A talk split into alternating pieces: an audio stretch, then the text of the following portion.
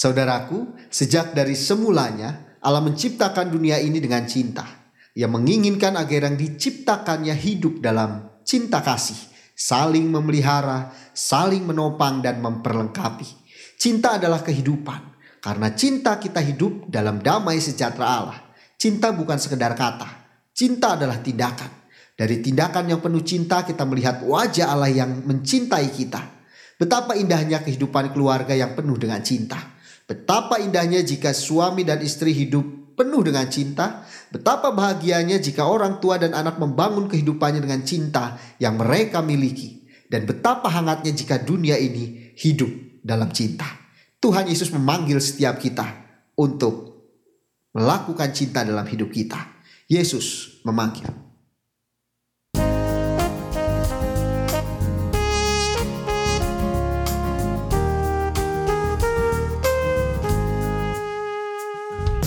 Yesus memanggil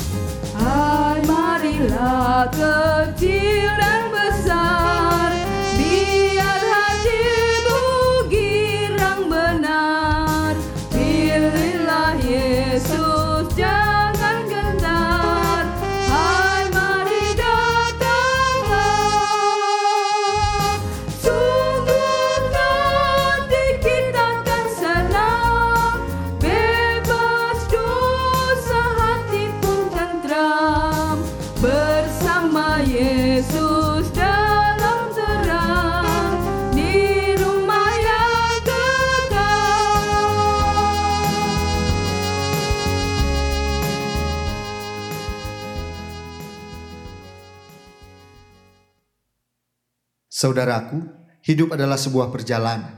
Dalam suka maupun duka, sehat maupun sakit, gagal maupun berhasil. Adakah cinta di setiap perjalanan itu? Jangan-jangan cinta telah hilang, yang tersisa hanyalah rutinitas belaka.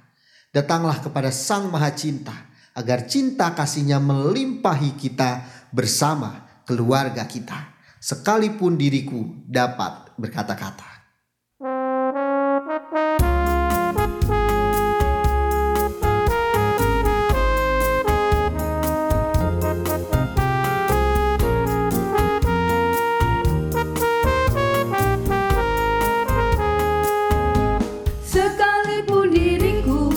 Dapat berkata-kata dengan semua bahasa.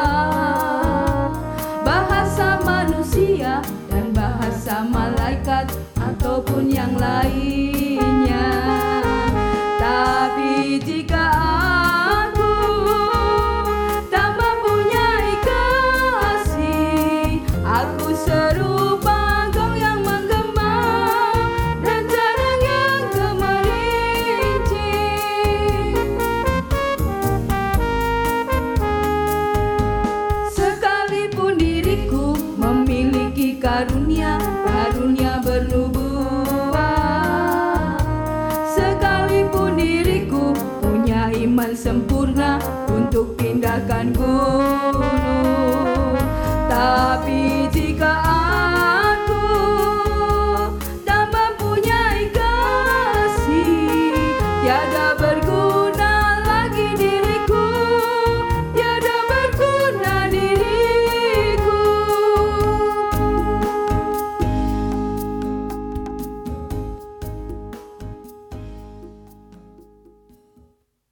Saudaraku, marilah saat ini kita mengakui dosa kita di hadapan Tuhan di dalam doa. Mari kita bersama-sama berdoa. Ya Tuhan yang penuh kasih, Engkau senantiasa memelihara kami agar kami hidup di dalam damai sejahteramu yang berlimpah. Namun ya Bapa, kami sering kali lupa akan kasih pemeliharaan sehingga kami kerap bersungut-sungut. Engkau menuntun kami dalam kehidupan kami. Namun kami sering tidak mau mengikuti langkahmu. Kami lebih sering menurut dan melangkah menurut kemauan kami sendiri. Engkau mengutus para pemimpin untuk membimbing kami agar tercipta ketertiban di kehidupan bersama kami. Namun, kami justru sering tidak menghormati mereka. Kami sering memberikan kritik tanpa dasar, bahkan dengan kalimat yang kasar, yang jauh dari sikap hormat kami. Kami sadar ya Tuhan, ada banyak hal yang belum dapat kami lakukan sesuai dengan kehendak-Mu. Inilah pengakuan kami di hadapan kami telah berdosa terhadap Engkau. Ampunilah dan dengarkanlah doa kami ya Tuhan. Amin.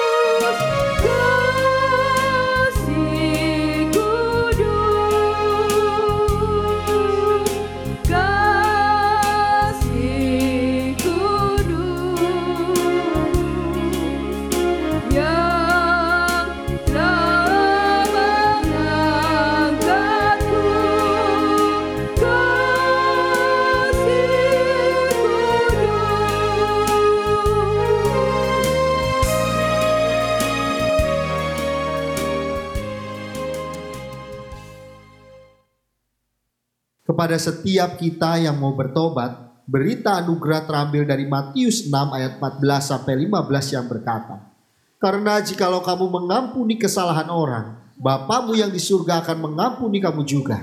Tetapi jikalau kamu tidak mengampuni orang, Bapamu juga tidak akan mengampuni kesalahanmu.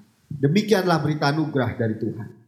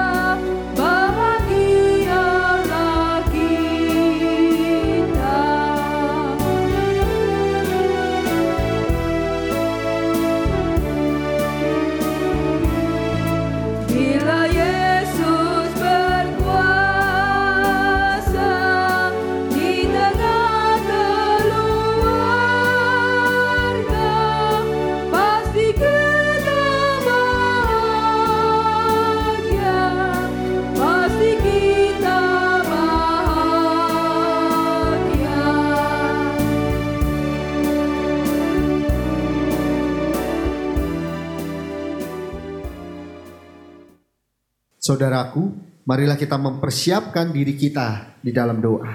Mari kita berdoa. Allah Bapa Sang Sumber Rahmat, tolong ingatkanlah kami untuk mempersiapkan diri kami dalam perenungan akan sabda Tuhan. Mampukanlah kami juga bukan sekedar menjadi pendengar yang baik saja, tetapi juga siap untuk menjadi pelaku-pelaku sabda Tuhan yang setia. Terima kasih ya Tuhan. Di dalam nama Tuhan Yesus Kristus kami berdoa. Amin.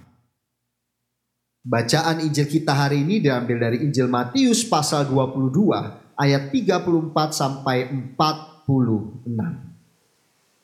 Ketika orang-orang Farisi mendengar bahwa Yesus telah membuat orang-orang Saduki itu bungkam, berkumpullah mereka. Dan seorang dari mereka, seorang ahli Taurat bertanya untuk mencobai dia. Guru, hukum manakah yang terutama dalam hukum Taurat? Jawab Yesus kepadanya, Kasihilah Tuhan Allahmu dengan segenap hatimu dan dengan segenap jiwamu dan dengan segenap akal budimu. Itulah hukum yang terutama dan yang pertama. Dan hukum yang kedua yang sama dengan itu ialah kasihilah sesamamu manusia seperti dirimu sendiri. Pada kedua hukum inilah tergantung seluruh hukum Taurat dan kitab para nabi. Ketika orang-orang Farisi sedang berkumpul, Yesus berkata kepada mereka katanya, Apakah pendapatmu tentang Mesias? Anak siapakah dia? Kata mereka kepadanya, anak Daud. Katanya kepada mereka, jika demikian, bagaimanakah Daud oleh pimpinan roh dapat menyebut dia tuannya ketika ia berkata, Tuhan telah berfirman kepada Tuanku, duduklah di sebelah kananku sampai musuh-musuhmu kutaruh di bawah kakimu. Jadi jika Daud menyebut dia tuannya, bagaimana mungkin ia anaknya pula? Tidak ada seorang pun yang dapat menjawabnya dan sejak hari itu tidak ada seorang pun juga yang berani menanyakan sesuatu kepadanya. Demikianlah firman Tuhan yang berbahagia adalah kita yang mendengar, memelihara dalam hati dan dengan penuh sukacita melakukannya hari demi hari. Haleluya. Melatih cinta. Saudaraku, tema khotbah kita hari ini berbicara tentang cinta. Cinta yang begitu penting untuk kita renungkan. Namun yang menjadi persoalannya, bagaimana cara mewujudkan cinta itu? Perlu kita sadari bersama tidak semua orang dapat bertahan setia mewujudkan cintanya. Mungkin di antara saudara ada yang pernah melihat film yang sudah cukup lama namun di masa pandemi ini film tersebut diputar kembali di salah satu stasiun televisi. Film tersebut berjudul 7 ya garis miring 24. Dan sinopsis dari film ini kira-kira sebagai berikut. ada dua tokoh yaitu Prasetyo sebagai suami dan Tania yang adalah istrinya. Prasetyo yang adalah suami adalah seorang sutradara film terkenal. Ia menikah dengan Tania. Tania berprofesi sebagai manajer di sebuah bank ternama. Mereka dikaruniai satu anak berusia kurang lebih lima tahun. Dan Prasetyo bersama dengan Tania sama-sama pecandu kerja yang luar biasa. Satu-satunya waktu untuk bersama hanya saat pagi hari, malam hari, atau saat akhir pekan. Dan dengan jadwal yang sangat padat mereka tetap bisa menghabiskan waktu bersama. Dan tetap menjadi pasangan yang romantis. Namun suatu hari Prasetyo ambruk, jatuh sakit, dan dirawat di rumah sakit. Tania harus membagi waktu antara bekerja, rumah, dan juga mengurus suaminya di rumah sakit. Setelah tiga hari mengurus segalanya sendirian, Tania pun akhirnya mulai kelelahan. Ia pun akhirnya juga dirawat di rumah sakit dan berada di ruangan yang sama dengan sang suami.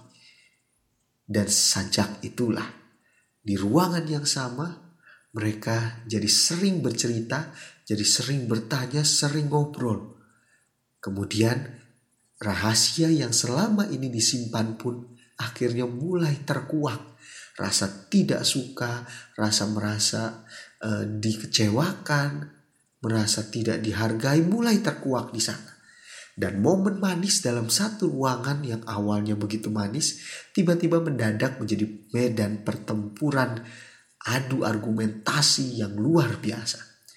Saudaraku, mungkin film ini menjadi sebuah gambaran dari keluarga kebanyakan masa kini terutama di abad 21 saat ini. Relasi suami istri, orang tua dengan anak-anak terampas oleh berbagai aktivitas rutin seperti pekerjaan, studi, organisasi, dan lain-lainnya. Keluarga yang menjadi tempat tumbuh kembang kehidupan cinta kasih sering kali menjadi hambar dan kehilangan kehangatannya. Tentu hal ini menjadi sangat ironis yang seharusnya di mana keluarga menjadi tempat yang hangat yang dinanti-nantikan orang keluar rumah dan berharap untuk secepatnya kembali ke dalam keluarga karena suasana yang begitu hangat berkebalikan. Orang jadi males pulang ke rumah. Kenapa? Karena melihat suasana rumah yang sangat tidak kondusif. Jadilah keluarga menjadi hanya sekedar semacam rumah penginapan. Pagi beraktivitas, sore pulang mandi, malam beristirahat, dan begitu seterusnya tanpa terjadi perjumpaan dan relasi komunikasi yang intim antara satu dengan yang lain. Entah antar pasangan, antara orang tua dan anak, atau antar saudara yang ada di tengah-tengah keluarga itu sendiri. Lalu yang menjadi pertanyaannya di manakah letak cinta kasih dalam sebuah keluarga? Cinta adalah suatu perasaan atau emosi dari kasih sayang yang kuat dan akhirnya memunculkan ketertarikan pribadi. Secara filosofi, cinta merupakan sifat baik yang mewarisi semua kebaikan, perasaan belas kasih dan kasih sayang Cinta adalah sebuah aksi, kegiatan yang seharusnya aktif yang dilakukan manusia terhadap yang lainnya.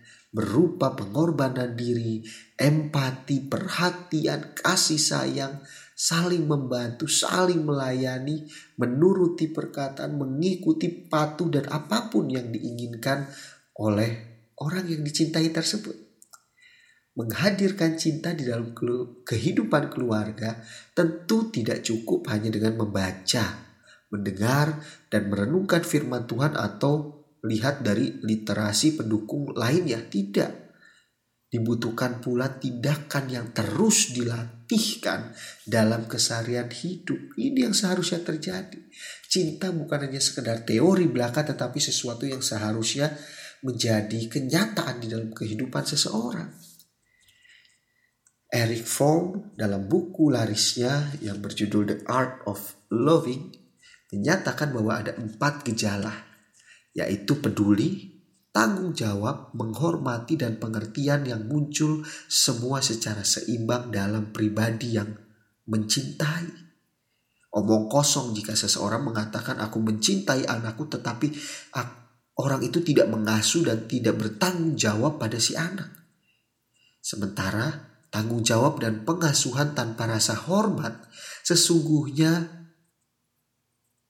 rasanya akan menjadi rasa yang menjerumuskan. Kita akan hanya sekedar menjerumuskan.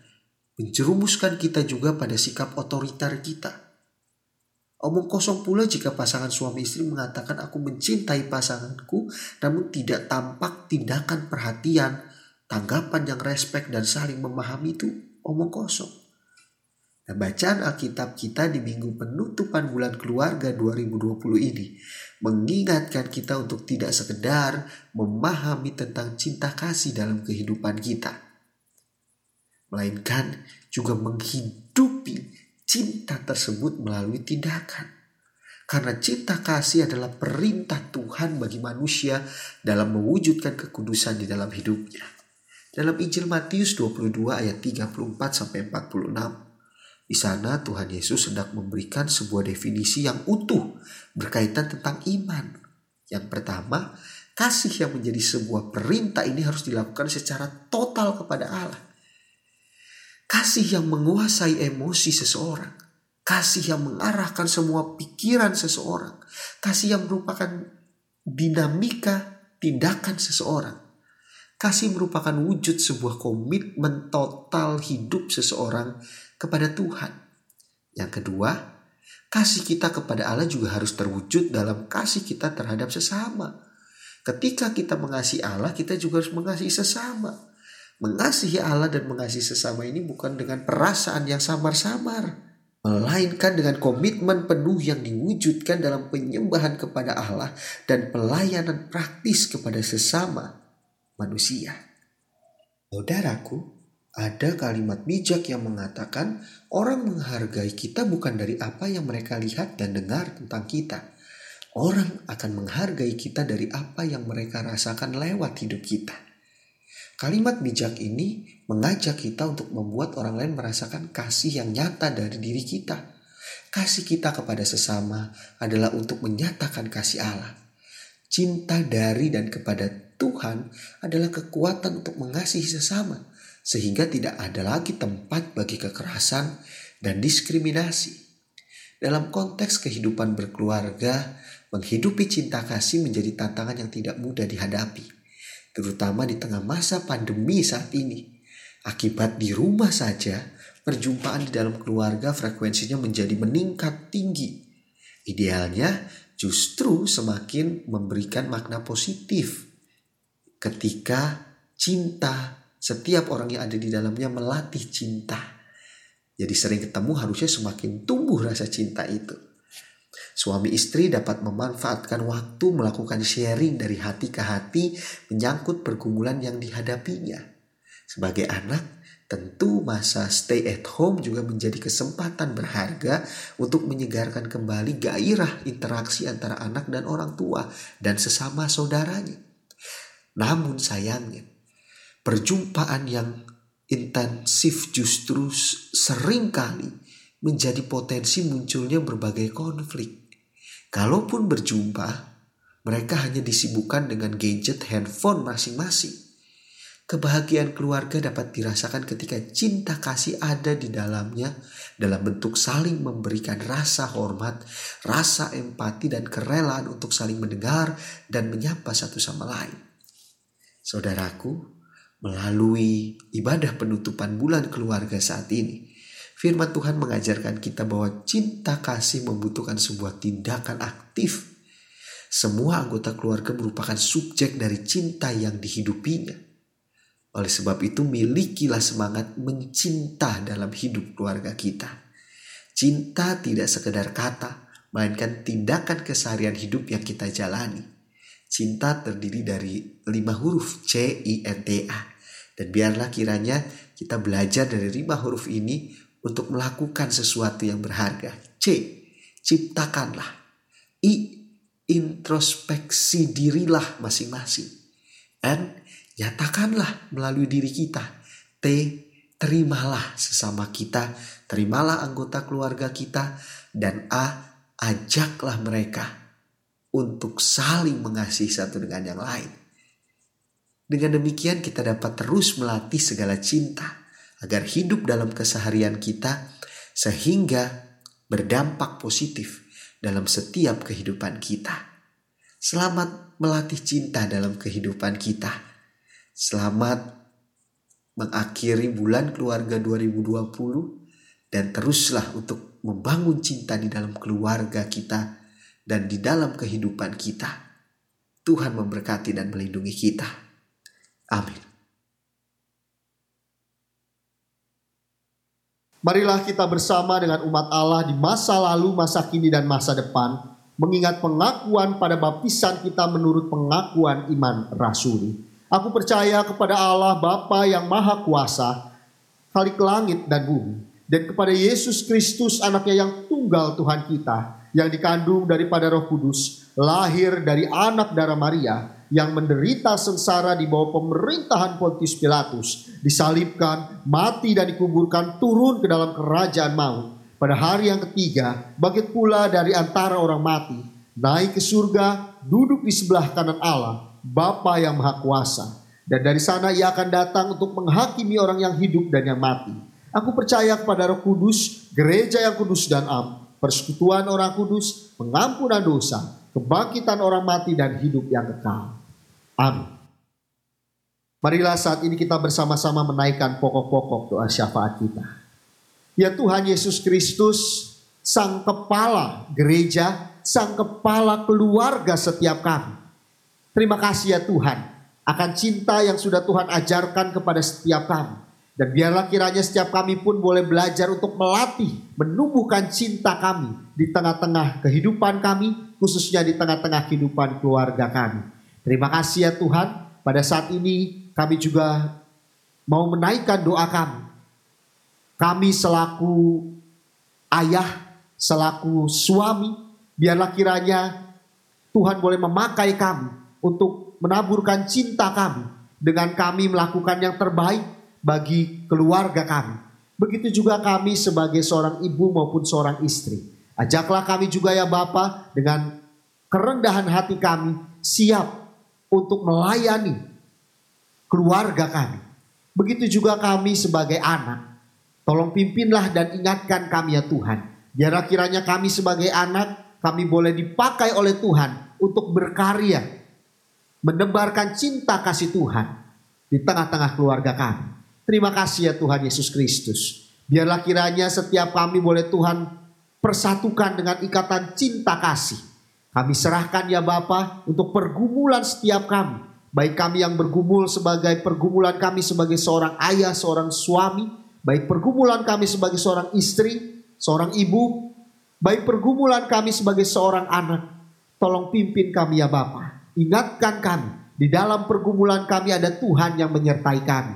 Kami tidak berjalan sendirian. Biarlah kiranya kami boleh memiliki kerendahan hati untuk siap dibentuk oleh Tuhan dipakai oleh Tuhan sekalipun di dalam pergumulan kehidupan kami. Terima kasih ya Bapa atas kesempatan yang indah ketika Tuhan memanggil kami sebagai anak-anakmu. Pimpin dan sertai kami ya Bapa. Bentuk kami. Begitu juga untuk gereja kami dan juga bangsa dan negara ini. Kiranya gereja kami dan bangsa dan negara Indonesia ini boleh terus bertumbuh seturut kehendak Tuhan. Tuhan yang pakai untuk pertumbuhannya hari demi hari. Terima kasih ya Bapak, kami serahkan juga setiap doa-doa kami, apa pun itu, ke dalam tangan Tuhan. Terima kasih ya Tuhan. Hanya di dalam namamu saja kami naikkan doa kami. Amin. Hari ini kita tetap bersyukur dengan menyerahkan persembahan kepada Tuhan. Persembahan yang dikumpulkan akan kita berikan ke gereja. Dan nats persembahan kita hari ini terambil dari Kolose 3 ayat yang ke-17 dan segala sesuatu yang kamu lakukan dengan perkataan atau perbuatan, lakukanlah semuanya itu dalam nama Tuhan Yesus sambil mengucap syukur oleh Dia kepada Allah Bapa kita. Sambil kita mempersiapkan diri untuk memberikan persembahan kita, marilah kita menyanyikan Tuhan betapa banyak.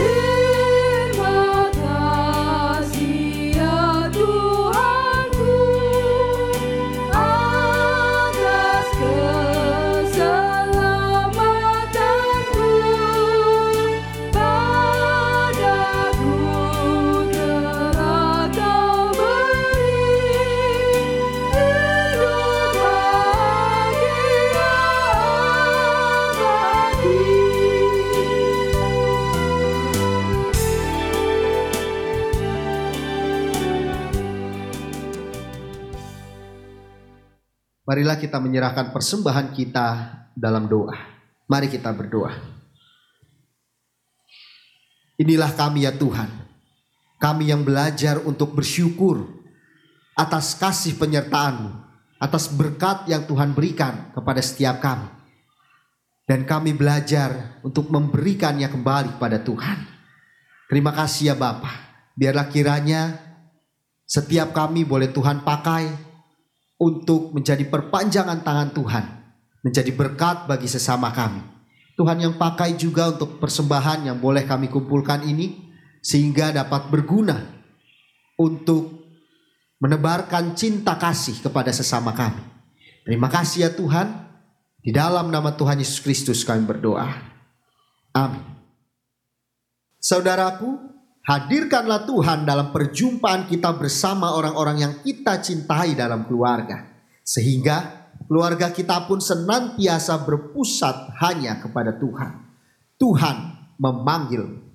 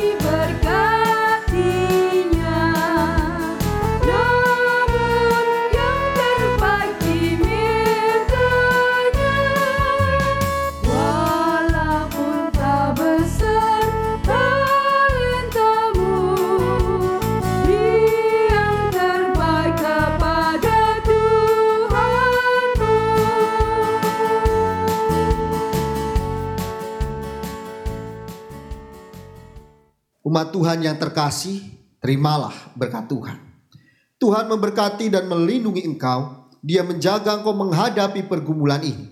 Dia menemani engkau di masa-masa sulit ini. Dia merengkuh engkau dalam kehangatan dan memperlengkapi engkau dengan pengharapan. Sampai saatnya kita bertemu kembali. Kiranya persekutuan kasih Allah Bapa, Anak dan Roh Kudus senantiasa menyertai engkau kini dan sampai selama-lamanya. Amin.